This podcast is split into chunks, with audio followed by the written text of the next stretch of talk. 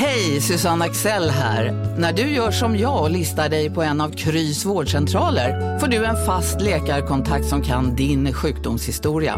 Du får träffa erfarna specialister, tillgång till lättakuten och så kan du chatta med vårdpersonalen.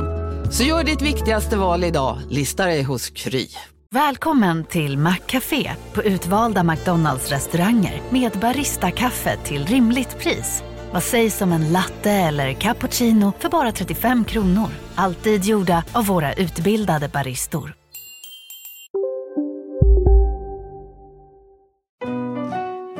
Från Monopol Media, det här är Kapitalet med mig Gunnar Harjus. Och med mig Marcus Morey Haldin.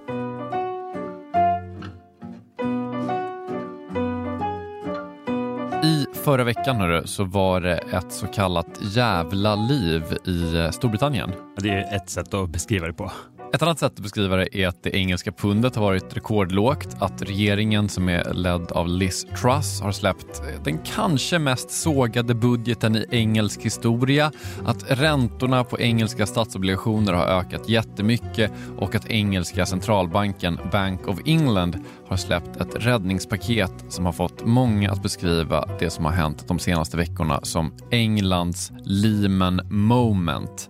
Alltså ett ögonblick där England stod på randen till en total finansiell kollaps. De var in a bit of a pickle. Så säger man i England.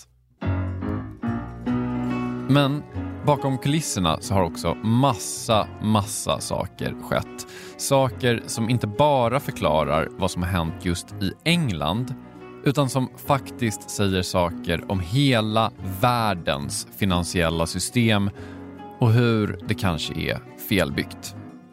Vad som egentligen hände när Englands ekonomi nästan kollapsade efter det här.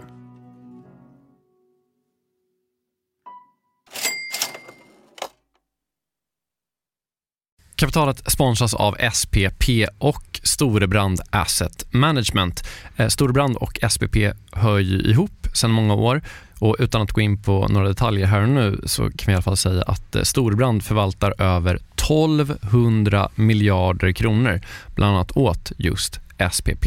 Och du har ju träffat Storbrand, Jakob, och pratat om eh, Kina Ja, eh, vi, vi pratar i alla fall om hur Kina blivit en sån otroligt viktig del i omställningen av energisystemet. Eh, över 70 procent av värdekedjorna inom vind och solkraft kontrolleras av Kina, vilket mm. är otroligt när man tänker på det. Ja. Och Det handlar om att Kina väldigt tidigt insåg att energi är makt och att man genom sol och vindkraft kan göra sig typ fri från att importera olja och gas och sånt. Then if you think that tomorrow or today's you know power base is going to in a large part be about renewables, then obviously having a stranglehold on those renewables and all the technologies that go into it is going to be part and parcel of that power play. Eh, det här är då Philip Ripman som ansvarar för Storbrand Global Solutions, eh, en fond som investerar i lösningsbolag över hela världen. Mm.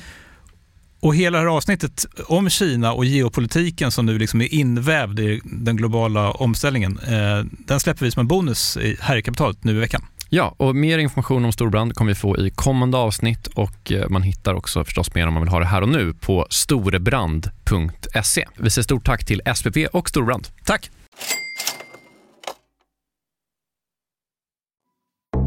Marcus, England, eller Storbritannien. Det ligger så dåligt i mun. Jag känt att jag redan råkat blanda ihop det typ tre gånger.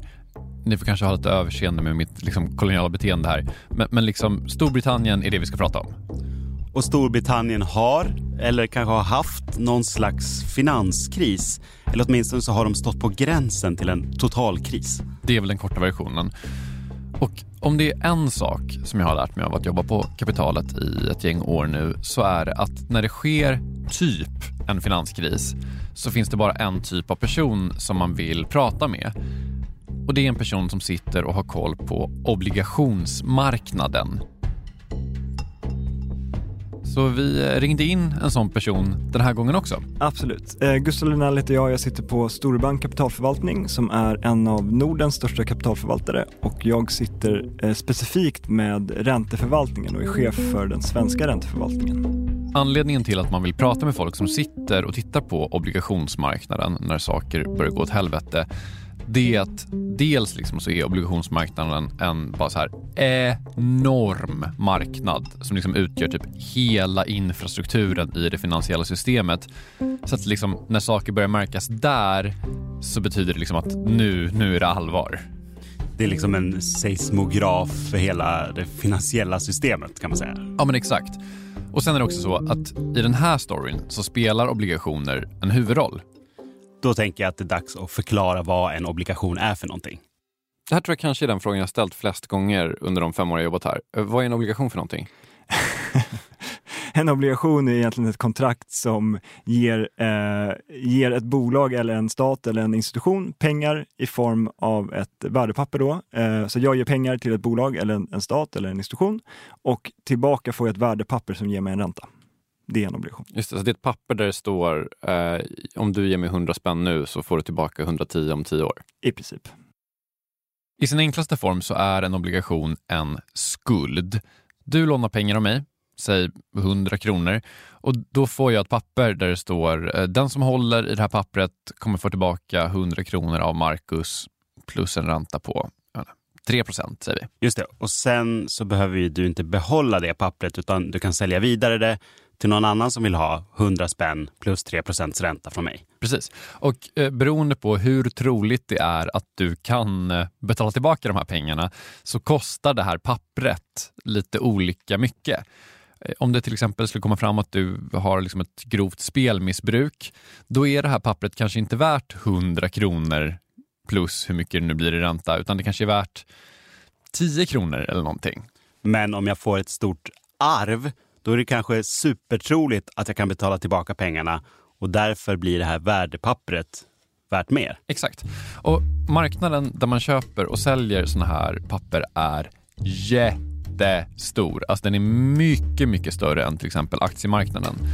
Och de som säljer sådana här papper, alltså lånar pengar, det kan vara företag, men det kan också vara stater. Och när det är stater så kallas det statsobligationer. Ja, statsobligationer är någonting då som stater använder för att finansiera olika saker. Man bygger en väg eller en stor satsning som gör att man visar upp en budget med underskott. Om det händer så måste det som i Sverige heter Riksgälden och i England såklart heter Her Majesty's Treasury. Eller kanske snart His Majesty's Treasury. Oj, det har jag fan inte ens tänkt på. Det är sant. Kanske heter det His Majesty's Treasury när det här avsnittet kommer. Hur som helst, Riksgälden slash Nons Majesty's Treasury måste då skapa en statsobligation, sälja den till någon och sen så kan de då ta pengarna, ge till liksom regeringen och så kan regeringen då finansiera underskottet som finns i budgeten. Och vem är det som köper de här statsobligationerna? Ja, men typ eh, banker och pensionsbolag. Väldigt mycket pensionsbolag helt ärligt. Pensionsbolag har pengar idag men de behöver ännu mer pengar om typ 10 år för att då ska de betala ut massa pensioner. Så då behöver de saker som kan ge ränta. Till exempel då statsobligationer. Och statsobligationer anses särskilt bra för att de ses som mycket mindre riskabla investeringar än typ aktier. Då ger de lite mindre ränta men de har också mindre risk. Så pensionsbolagen de kan finansiera sina pensioner medan regeringar kan finansiera sina underskott. Jag fattar. Bra. Och det är runt ett sånt här underskott som den här eh, härdsmältan börjar. Alltså egentligen kan man väl säga att det här började ju redan förra veckan. Och det som hände i fredags var egentligen att man i UK gick ut och sa att man skulle stimulera, eh, stimulera eh, med finanspolitik. Man skulle sänka skatterna framför allt. High tax rates damage Britain's competitiveness. They reduce the incentive to work, to invest, and to start a business. And the higher the tax, the more ways people seek to avoid them, or work elsewhere, or simply work less. But I'm not going to cut the additional rate of tax today, Mr. Speaker. I'm going to abolish it altogether. From April the 20th. Det här är Englands finansminister Kwasi Kwarteng som den 23 september presenterar det som kallas för en mini-budget men som i, i efterhand kanske har fått lite kritik för att den inte var så himla mini utan snarare massive. Hur som helst, han presenterar den i engelska parlamentet och den här budgeten innehåller också bidrag till eh, hushållen eh, som de ska kunna liksom använda för att betala elräkningar. Så både skattesänkningar och ökade utgifter. Precis. Och man säger egentligen inte hur man ska göra detta, alltså på vilket sätt, alltså hur ska man finansiera det? Utan man säger bara att man ska sänka skatten och man ska stimulera i princip. Eh, och eh, räntemarknaden då blev ju lite nervös och insåg att liksom, okay, men om, om man ska sänka skatterna måste man finansiera det på något sätt. Och antagligen måste man finansiera det genom att ställa ut eller emittera obligationer, alltså låna pengar i obligationsmarknaden via eh, statsobligationer. Då. Och man ser framför sig att det kommer då ett större utbud av obligationer. Så för att förklara det här lite enkelt. För att kunna betala de här skattesänkningarna så kommer man behöva låna pengar. Och ska man låna pengar som stat så behöver man skapa då såna här statsobligationer. Gör man det, då kommer det alltså ut fler statsobligationer på marknaden och enligt alltings lag om utbud och efterfrågan, om utbudet ökar men efterfrågan är konstant, vad händer då med priset, Marcus? Det sjunker. Precis. Och vi ska förklara vad det innebär att priset på en statsobligation sjunker. Men det ska också sägas liksom att allt det här görs mot en bakgrund av att engelska centralbanken, Bank of England, motsvarande vår riksbank, de hade liksom gått ut och i princip sagt att man skulle höja räntan för att driva ner inflationen som i Storbritannien är 10 procent. Så det är liksom oroliga tider. Centralbanken vill trycka ner inflationen. Då presenterar regeringen en budget som kommer innebära att man får ut en massa mer pengar i ekonomin. Exakt. Samtidigt är det väl så att engelska regeringen inte gör det här för att det är kul. Nej. Alltså de gör det väl för att de tänker att det här kommer bli bättre för ekonomin. Exakt, och det finns lite då så Lafferkurva-ekonomi här, alltså en tanke som går ut på att om man sänker skatterna så kommer man höja skatteintäkterna. Det finns en sån tanke inom en liksom ett viss typ av ekonomiskt tänkande. Och vill man gå all in på Lafferkurvan, då är det kapitalet avsnitt 183 som man ska leta upp. Precis, man kan ju säga i alla fall att det här är en ganska omstridd teori, eller vad man ska säga. Och det som händer också är att alla i det liksom ekonomiska etablissemanget, eller vad man ska säga, går ut och säger att de här skattesänkningarna som England ska göra, det, det är inte en så himla bra idé. IMF till exempel går liksom in och typ läxar upp Storbritannien på samma sätt som man brukar göra med så betydligt mindre ekonomier som så står på typ ruinens brant i princip. Om det är rätt eller inte, det är svårt att säga. Men oavsett vad typ IMF tycker så kan man i alla fall säga att marknaden, den underkänner den här budgeten. Nej men alltså vi, vi sitter ju där i fredags och liksom blir ju lite, skruvar ju på oss liksom. Eh, för att det är ju inte direkt den typen av finanspolitik vi kanske ser framför oss är mest vettig i en sån här miljö, om man bara tänker rent eh, klassiskt ekonomiskt. Att liksom stimulera mer i en miljö av hög inflation borde rimligtvis leda till mer inflation, vilket du egentligen inte vill ha. Det ska sägas att det liksom inte är skrivet i sten att ekonomiska stimulanser per definition leder till inflation. Det är ju ganska omstritt var inflation kommer ifrån. Men just i det här fallet är det faktiskt lite skitsamma för att Gustav, alltså marknaden, tolkar det på det här sättet.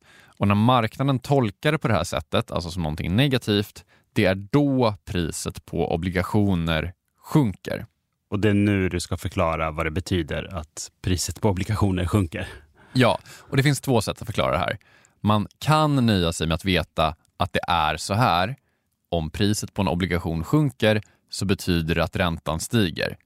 Den kunskapen liksom räcker för att förstå hur hela den här grejen kan leda till Englands Lehman-ögonblick. Så nöjer man sig där, helt okej, okay, no shame. Tack. Men om man vill fatta hur det här funkar lite mer praktiskt så kan vi ta det också. Vi tar en sån här obligation. Jag ger ut en obligation. Jag behöver 100 kronor och jag är beredd att ge dig 10% ränta totalt över 10 år. Så totalt 110 kronor. Och jag ger dig 100 kronor för jag räknar med att du ska ge mig 110 om 10 år. Exakt. Men plötsligt så börjar jag liksom ta på mig lite mer skuld. Jag ger ut fler obligationer. Men de här nya obligationerna, de ger 20 procent i ränta. Och det är mer. Det är mer. Och de här obligationerna, de börjar också handlas på andrahandsmarknaden. Och samtidigt så känner du att du av någon anledning behöver bli av med din obligation, alltså obligationen som jag har gett ut, den här 110 kronors obligationen. Men varför skulle någon då vilja köpa din dumma 10% ränta? Det vill ju ingen. Det finns ju 20% räntor där ute. Så på något sätt så måste du se till att ditt värdepapper ger 20% ränta. Så hur gör du då det? Du kan ju liksom inte säga plötsligt bara att ditt papper ger 120 kronor. För det står ju på pappret att den som håller i det ska få 110 om 10 år av mig. Det har jag lovat. Men vad du kan göra, det är att sälja det här pappret för 91 kronor och 66 öre. En tredje person köper det då för 91 kronor och 66 öre och sen 10 år senare så får den 110 kronor av mig. Då har den fått de facto 20% ränta, men du har tagit en förlust. Just det. Räntan har gått upp till 20% vilket gjort att priset har gått ner. Precis. Men som sagt, man behöver inte fatta varför. Om man bara tänker så här att det är, eh, om priset går ner så går räntan upp. Och tvärtom.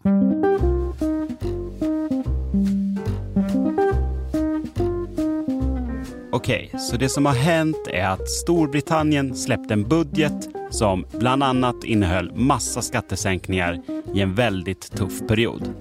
Obligationsmarknaden fattade då att Storbritannien skulle komma att behöva låna väldigt mycket mer pengar. Och det här ledde till att räntorna på engelska statsobligationer gick upp, slash, att priset gick ner. Exakt så. Det här låter inte så bra. Nej. Men jag fattar fortfarande inte hur det här kunde vara så allvarligt. Alltså, det har ju beskrivits som att liksom hela Storbritanniens ekonomi var i fara. Jo, men det som hände var att det här prisfallet det utlöste en dödsspiral.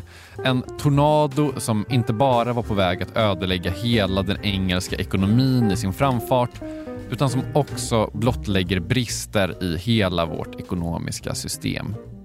Hur sjunkande obligationspriser nästan sänkte ett helt land efter det här.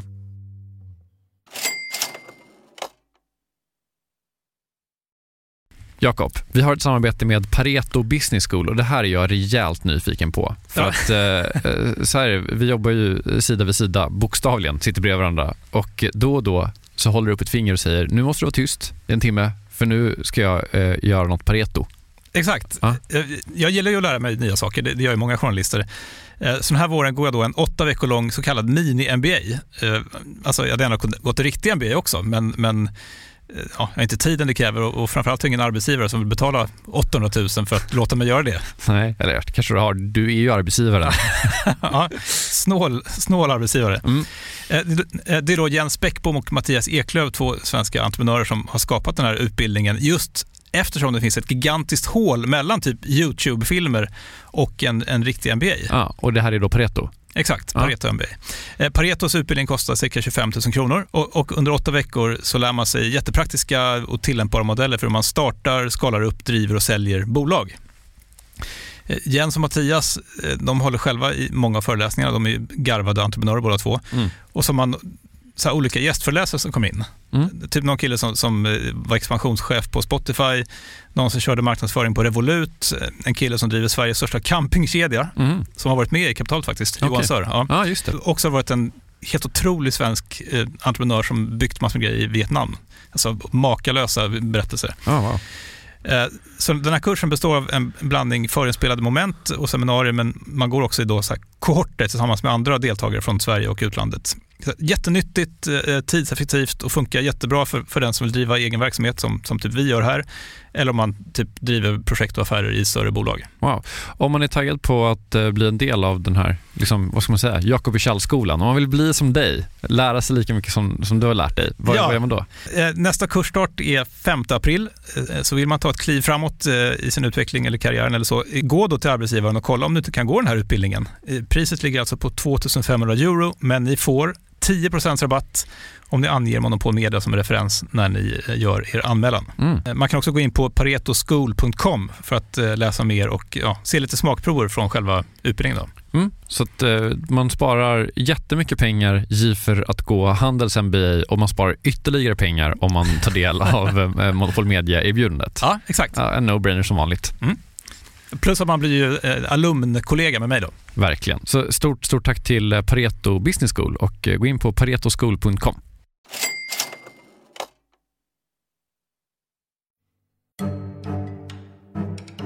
Okej, brittiska regeringens budget har utlöst fallande obligationspriser och på något sätt ska det här göra att England står på randen till någon slags finanskris. Precis så. Och för att förstå exakt vad som hände så måste man förstå ett par eh, mekanismer. Dels då marknadens reaktioner. Gustav Linell, som är chef för den svenska ränteförvaltningen på Storebrand kapitalförvaltning och som ju är vår guide genom hela den här historien. Han sitter och tittar på sina tre olika traderskärmar när allt det här händer och han ser liksom hur räntorna på engelska statsobligationer bara börjar stiga. Tioåriga statsobligationsräntan sen den 23 eh, gick väl då, alltså sen i fredags gick väl från 3% till 4,5. Så det är Mm. 1,5 procent på i princip två, tre dagar. Okej, och för mig som inte sitter och handlar statsobligationer så låter det så här. Det låter ju, det låter ju dramatiskt. Mm. Men det var inte det sjukaste jag hört. Nej, Men är det det sjukaste man har hört? Eh, det är en av de mest volatila rörelserna upp i ränta som vi har haft på så kort tid i den marknaden. Fredag, måndag, tisdag så, så går räntan upp väldigt, väldigt, väldigt mycket i förhållande till liksom historien, absolut. Så räntorna går upp och upp och upp. Det som händer sen är att det blir som en spiral här. Alltså, det tar liksom inte slut. Räntan bara fortsätter att gå upp i de här statsobligationerna. Alltså priset bara fortsätter att falla. Och liksom, eh, någonstans hade man väl kunnat tro att det skulle ta slut. Man liksom, du, du, du kan ju värdera den här informationen. Alltså informationen är ju där någonstans. Den kom ju ut redan i fredags, om ni förstår vad jag menar. Eh, vi vet att de ska spendera ungefär så här mycket. Och då, hade det här borde, då borde ju det här ha liksom stabiliserats. Eh, men det händer liksom inte i den här marknaden, utan det bara fortsätter att, att liksom volatiliteten på, på de här obligationerna ökar. Eh, räntan, säljer, alltså räntan går upp mer och mer och det ser liksom inte ut att ta slut. Bara så att jag är med. Det borde vara så att räntan slutar stiga. Ja, för att liksom, marknaden vet ju hur mycket pengar Storbritannien behöver låna. De vet ju hur stort liksom, det här budgetunderskottet är. Så att även om de kanske liksom inte älskar idén att låna ut pengar till ofinansierade skattesänkningar så borde det finnas ett pris där någon till slut vill göra det. Men det gör det inte. Istället så stiger räntan bara mer och mer. Och varför blir det så här? Det finns då många potentiella förklaringar. Men framförallt så har man En hyfsat, ska man säga, trolig förklaring Och den hyfsat troliga förklaringen handlar då om de som redan äger sådana här statsobligationer. Och det vet vi ju vid det här laget vilka det är. Gör vi? Pensionsfonder. Precis. Och att styra en pensionsfond, det är ju något av ett gissel kan jag tänka mig. För att man måste då se till att man har en viss mängd pengar när folk går i pension. Stressigt. Ja, så man måste då hitta tillgångar som matchar de utbetalningar som man har tagit på sig i framtiden. I Storbritannien funkar det också så att man har liksom en garanterad summa som man ska få av sitt pensionsbolag när man fyller 65. Så att bolagen måste verkligen se till att man har rätt tillgångar som avkastar liksom en korrekt summa. Och en grej som man gör då som pensionsbolag, det är att man använder sig av någonting som kallas för derivat. Känt från typ alla avsnitt av kapitalet. Ja. Derivat är ju då ofta ganska krångliga finansiella produkter. Men det enklaste sättet att tänka på det brukar vara att tänka på det som ett bett. Eller ett vad. Alltså som om man spelar på fotboll eller något. Exakt, och de här bolagen använder sådana här bets för att hantera risker på olika ganska komplicerade sätt. Hur som helst, pensionsbolagen, det verkar då som att många då har bettat på att priset på de här statsobligationerna ska gå upp. Men istället går de ner. Precis. Och då kickar en grej in som ska bli helt förödande.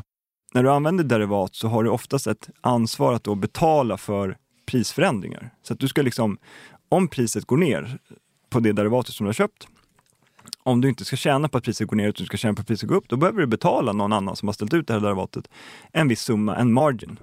Så här, vi gör ett bett. Jag säger att vår chef Jakob ska kunna äta 10 munkar på 5 minuter. 100 spänn sätter jag på det och du tror att han inte kommer klara det.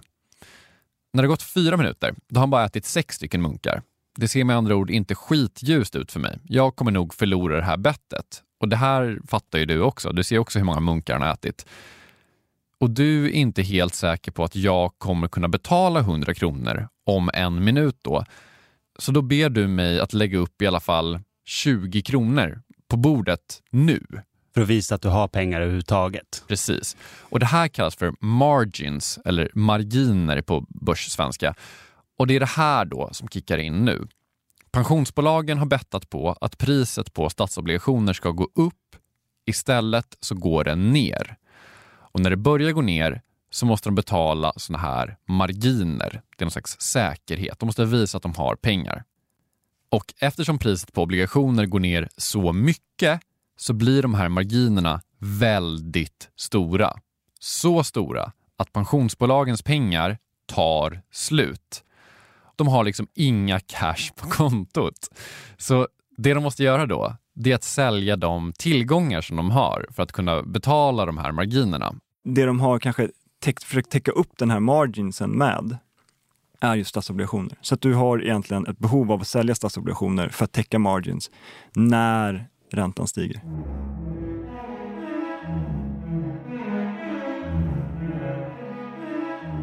Det är här den här onda dödsspiralen börjar. Pensionsbolagen har då massa statsobligationer i sina portföljer. Samtidigt som de har det så har de också bettat på att priserna inte ska sjunka hysteriskt. När priserna sjunker hysteriskt så förlorar de bettet och måste betala marginer.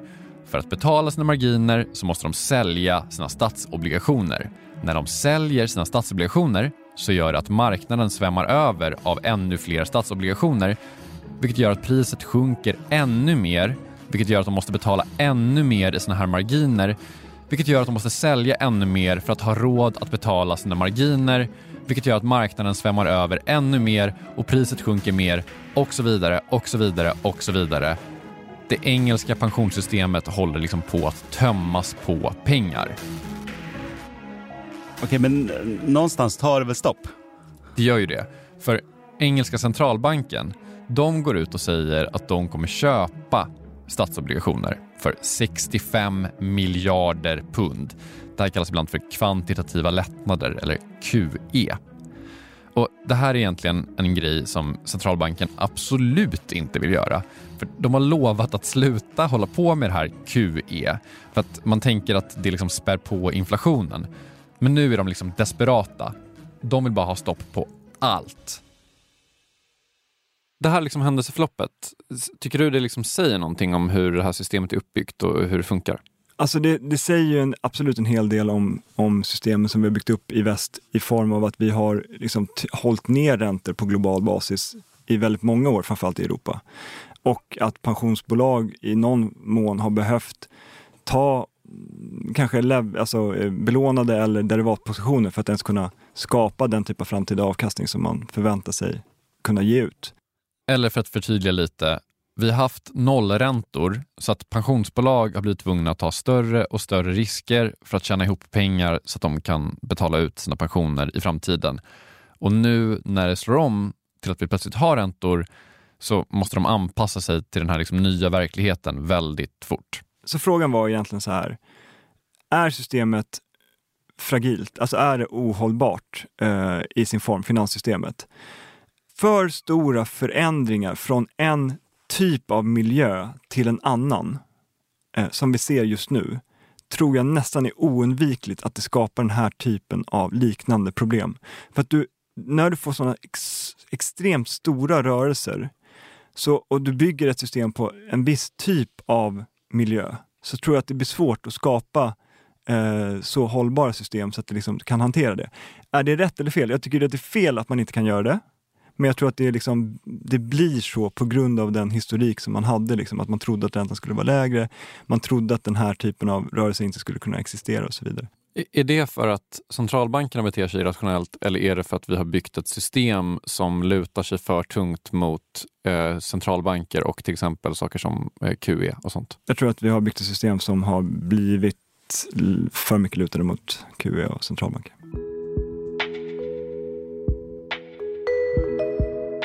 Så det Gustav säger någonstans, det är att vi har blivit ganska beroende av att centralbanker bailar ut finansmarknaden när någonting går snett. Mm. Och nu har de gjort det igen. Ja, inte bara det. De bailar väl typ ut en regering också. Ja, en regering som i och för sig satsade allt på ett kort i en ekonomisk miljö där ingen tyckte det var en bra idé och så blev de slagna på fingrarna av typ alla. Men, men är, går, är det fel att summera det här som att marknaden, det mycket, mycket vaga begreppet marknaden, eh, underkände Englands liksom, budget? Det är inte fel att summera så. Det är Nej. ganska rätt att summera så. Kapitalet är slut för idag. Vi som gjort det här avsnittet heter Gunnar Harjus och Marcus Mori Haldin. Jakob Persell är ansvarig utgivare. Kristoffer Krook har mixat det. Med kapitalet jobbar också Elinor Alborn och Agnes Wenzel Blank. Gustav Linell var med i vårt nyhetsprogram Marknaden i fredags, alltså den sista september, tillsammans med Günther Mårder och Peter Norhammar. Lyssna på det, det blev toppen. Marknaden heter alltså podden. Kapitalet, det heter den här podden. Vi har en Instagram, där heter vi Kapitalet. Vi har en Twitter, där heter vi Kapitalet. Följ oss gärna där. Ge oss fem stjärnor. Det var länge sedan vi bad om. Det, är så, det hjälper på riktigt så himla mycket om man liksom recenserar i typ Spotify eller iTunes eller sådär. Hur som helst, vi är tillbaka igen om en vecka. Hej då.